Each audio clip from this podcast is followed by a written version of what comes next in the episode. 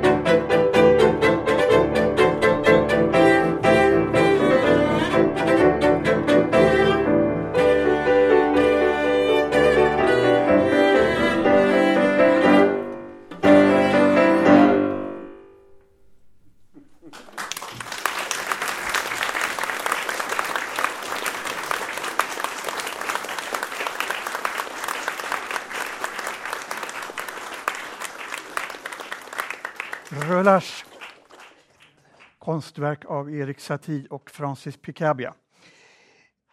Och eh, nu ska vi då höra ett, Mats, ett uruppförande. Mm. Ja, som Mats har skrivit ett uh, musikverk som heter Den döende dandyn som vi nu ska vara med om att höra för första gången. Varsågoda.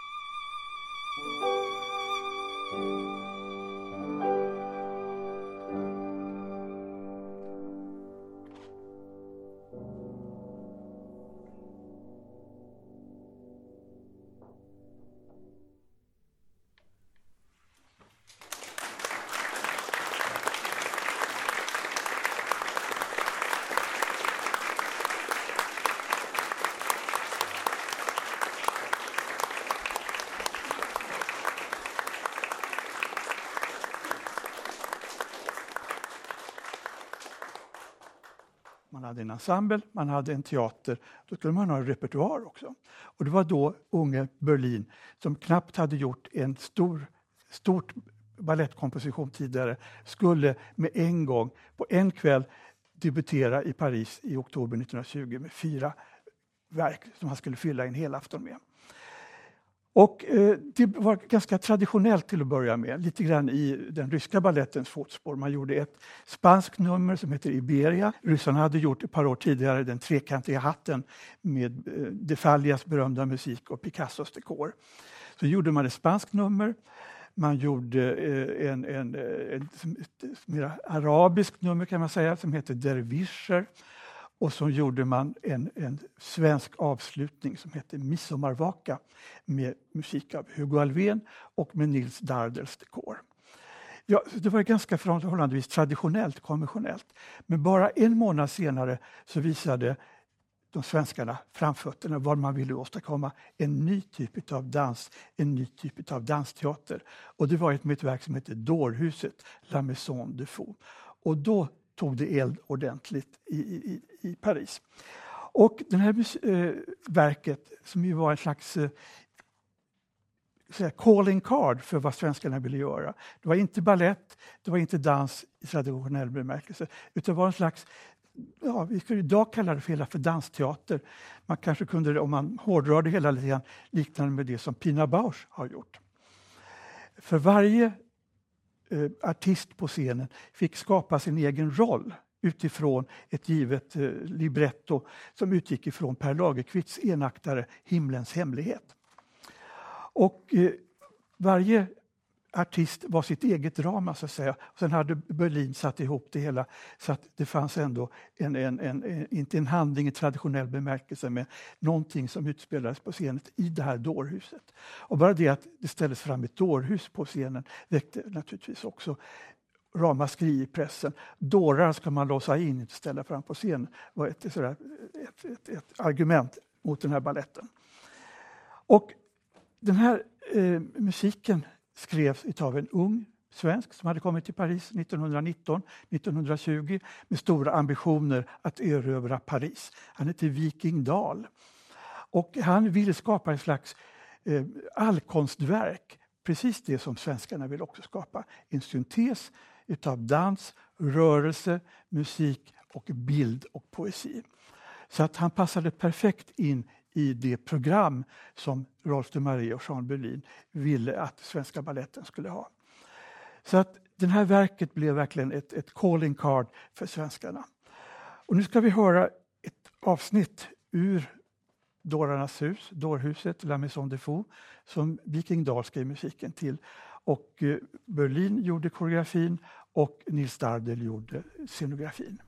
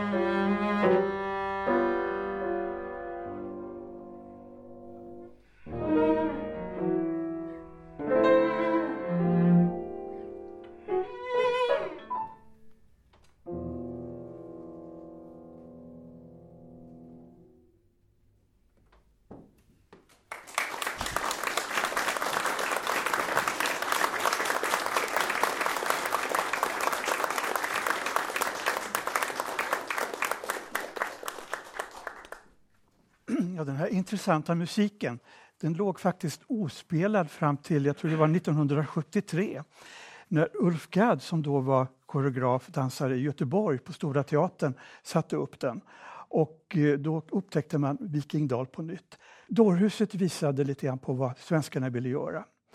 Ja, kritikerna som satt i salongen, de hade alla åren som nu balletten, eller Svenska balletten kom att fungera, stora problem med att sätta en etikett svenskarna. Vad var det för någonting? Det var ju inte ballett, tyckte man. Och det kan man säga, det var det inte heller. Och många sa, men det var inte svenskt heller. Och det kan man säga också att det inte heller var på många punkter. Det var ju en internationell ensemble. Det svenska fanns ju ändå i repertoaren. Vikingdals Dårhuset var ändå svensk musik byggd på svenskt material av Per Lagerkvist och med Nils Dardels dekor. Midsommarvaka var svenskt. Hugo Alfvén, återigen med Dardels scenografi. Det är svårt att framföra Midsommarvaka här ikväll. Eh, utan då ska vi då höra ett eh, verk av Alfvén som egentligen ska sjungas. som heter Skogen sover, som är ett av hans mest kända sånger som har text av Ernst, Ernest Thiel.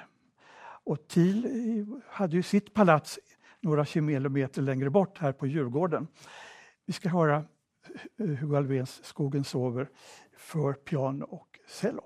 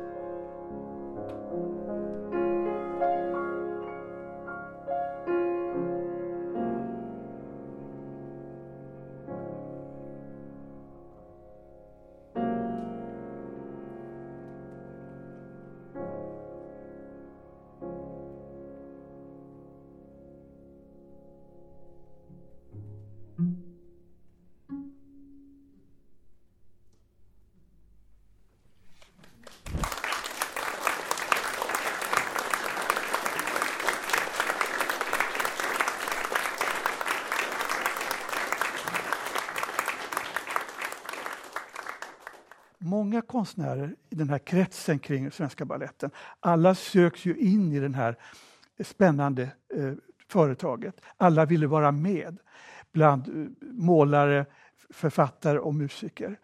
Och många av de största namnen kommer också att vara, eh, vara med i balletten som, som kreatörer. Det här blev ju en, en, en fantastiskt laboratorium, kan man säga, ett, ett växthus för allt det nya spännande som hände i Paris de här åren. Och hela tiden var det här gränsöverskridandet som man då syftade till. Att det inte skulle vara dans i traditionell bemärkelse utan ett nytt rörelsespråk på scenen också och den här blandningen av måleriet, eh, musiken och poesin.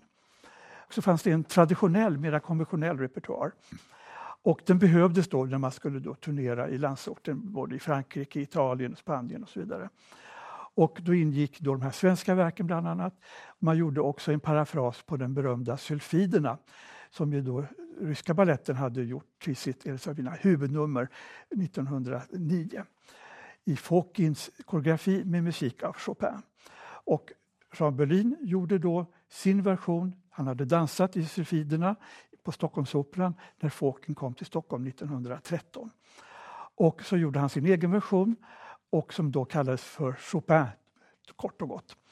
Och det är anledningen varför nu Leif här ska spela en ballad i G-moll av Chopin.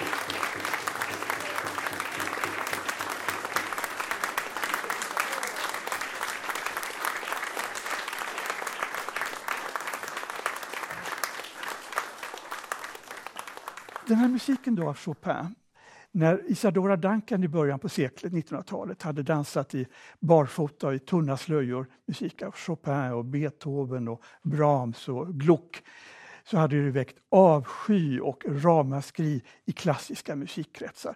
Hur kunde man profanera den klassiska musiken med att dansa till den? Det var fullkomligt oerhört. Det där hade ju också Tchaikovsky råkat ut för när han på eh, 1870-80-talet skrev sina tre stora balletter, Svansjön, Nötknäpparen och Törnrosa. Hur kunde en seriös tonsättare ägna sig åt att skriva för ballett, för dans? Det kunde man inte förstå. Det här kommer att så småningom bli en förändring i synen på balletten och från musikhållet. Och lite grann Tchaikovsky la grunden till detta kan man säga. Men framförallt Djagilev när han kom med den ryska baletten i Paris. Han kom med Igor Stravinsky, hans stora fynd som han hade hittat i Petersburg och lanserade honom och det väckte enorm uppmärksamhet och gjorde ju att Stravinsky fick ett enormt genombrott här i väst med de tre stora balletterna Eldfågeln, Petrushka och Våroffer. Och det förändrade också synen på eh, bland kompositörer, bland musiker, att man kunde faktiskt skriva för ballett med bibehållen ära. Och Diaghilev kommer att engagera många andra tonsättare, Maurice Ravel, Erik Satie eh, med, med, flera. Och naturligtvis så förstod ju musikerna att här hade man en gigantisk chans att nå ut till en stor bred publik. Istället för att ett konsertverk spelades kanske två, tre gånger av en orkester. Här kunde man bli spelad 30, 40, kanske 100 gånger och man fick pengar för det också. Så där förstår man varför så många tonsättare kom att intressera sig för ballett från den ryska balletten. Ja, Ravel skrev ju då musik för ryssarna, men han skrev inte något originalverk för svenskarna. Däremot använde sig Jean Berlin av en, ett musikverk eh, som heter Le Tombeau du Couperin för ett, en, en ballett som tillhör den här mera då lättillgängliga, populära av svenskarnas repertoar. Eh, den här Danssviten i barock anda hade Ravel skrivit under första världskriget. Han hade varit inkallad, legat vid fronten men blivit eh, sjuk och därför hemkallad. Och då skrev han den här danssviten som en hyllning till sina döda soldatkamrater. Och det här med Le Tombon måste ha en liten förklaring. På 1700-talet, en organist som efterträdde en annan organist i en kyrka den skulle då skriva en ny musik och då hette det då Le Tombeau de och namnet på den föregående företrädaren. Och här blev det då Le Tombeau de Couperin som blev en hyllning då till Couperin från Ravels sida. Och nu ska vi höra ett, ett eh, jag tror att det är ett par satser. En menuett. En menuett ur Le Tombeau de Couperin som svenskarna då gjorde 1920. Och Ravel dirigerade premiären.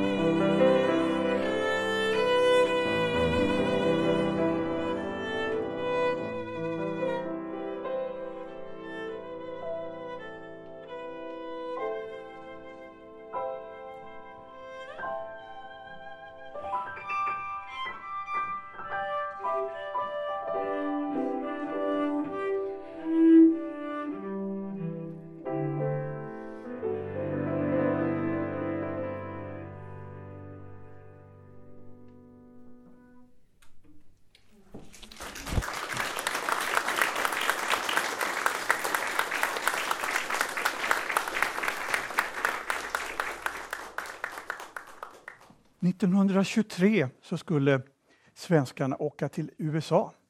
Man hade ju turnerat runt i hela Europa tidigare, men nu skulle man prova på att åka till Amerika.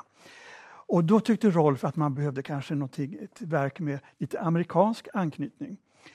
Och hans goda vän Fernand Léger sa till honom att du, titta på den där killen som heter Gerald Murphy, amerikan. Han målar lite grann och är sådär idérik person. Så att Rolf tog kontakt med Gerald Murphy som hade målat lite grann i kubistisk anda. Han har en liten produktion men ganska spännande ändå. Och Murphy tyckte att det här lät intressant så att han föreslog en ballett som kom att få namnet Within the Quota. Alltså inom kvoten, kvoteringen, och det är ett aktuellt tema just nu. Och det handlar om en ung svensk immigrant som kommer till USA. Blond, blåögd och med ett knyte med sig som enda eh, klädesplagg han har egentligen. Och eh, han möter då under sin resa i USA olika stereotyper.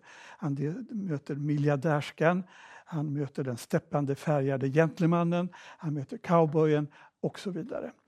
Och det här var då naturligtvis också en slags parodi kan man säga på filmen som då hade slagit igenom väldigt stort vid den här tidpunkten. Filmens klichéer. Och eh, Murphy hade en god vän i Paris, i amerikanska kretsarna som hette Cole Porter. Så att han bad Cole Porter att skriva musiken till det här verket. Och eh, Porter hade kommit till Paris ungefär 1919-1920 tillsammans med sin unga förmögna hustru Linda Lee Thomas och de levde så här lyxliv i Paris och på Rivieran tillsammans med bland annat Murphy-paret. Och eh, Porter var intresserad och också uppmuntrad av sin hustru att försöka skriva någonting seriöst. För han var ju då mest känd för att på, från Broadway i New York. Så att sagt och gjort. Cole Porter fick uppdraget att skriva musiken till det här verket som heter då Within the Curtain. Och där han ju blandar så säga, dansrytmer från tiden, 20-talet, med också mera en, en, en annan ton som man kan höra både Darius Milhaud och eh, till exempel också Stravinsky i det hela. Och eh, den här musiken, eh, den fick aldrig Paul Porter höra igen. Han trodde att musiken, noterna hade försvunnit. Och han dog utan att veta att de fanns här på Dansmuseet i Stockholm. Och så på början på 1990-talet så gjordes det en inspelning av musiken. Det var första gången den hördes i sin originalversion. Nu ska vi få höra som avslutning ett eh, par nummer ur den här balletten som man då förde med sig till USA på den stora turnén 1923. Som då blev, kan man säga, en slags eh, avslutning på hela svenska balletten. Den gick inte så jättebra och det blev som så begynnelsen till den, den, eh, början på slutet kan man säga helt enkelt. Därför att eh, sedan eh, 1925 på våren så beslöt han att lägga ner balletten. Jag tror att också att Rolf de Marais kände det på sig att man kunde inte komma så mycket längre efter Relâche som var den här slutpunkten som hade upplöst alla former för vad ett scenkonstverk kan vara. Men han kom, fortsatte att driva teatern, Teater Champs-Élysées, ytterligare två år. Och på hösten 1925 så gjorde han sensation med att förvandla den till en music hall och presentera något som heter La Revue Nègre. Och det är det där förbjudna ordet som vi inte får använda idag, men på franska kanske det går. Eh, och där lanserade han en ung eh, amerikanska som kom från Broadway som heter Josephine Baker. Och det blev hennes stora, enorma genombrott i, här i Europa. Fransk mark från början och sen i Europa. Hon kom sedan att alltid tala om Monsieur Rolf med stor värme han hade bidragit till hennes stora genombrott och hennes stora succé. Men detta var om slutet. Nu ska vi då gå till Cole Porter och den försvunna balletten Within the Court. Och då ska vi höra först eh, öppningsmusiken och sedan The Cowboy, hur det låter.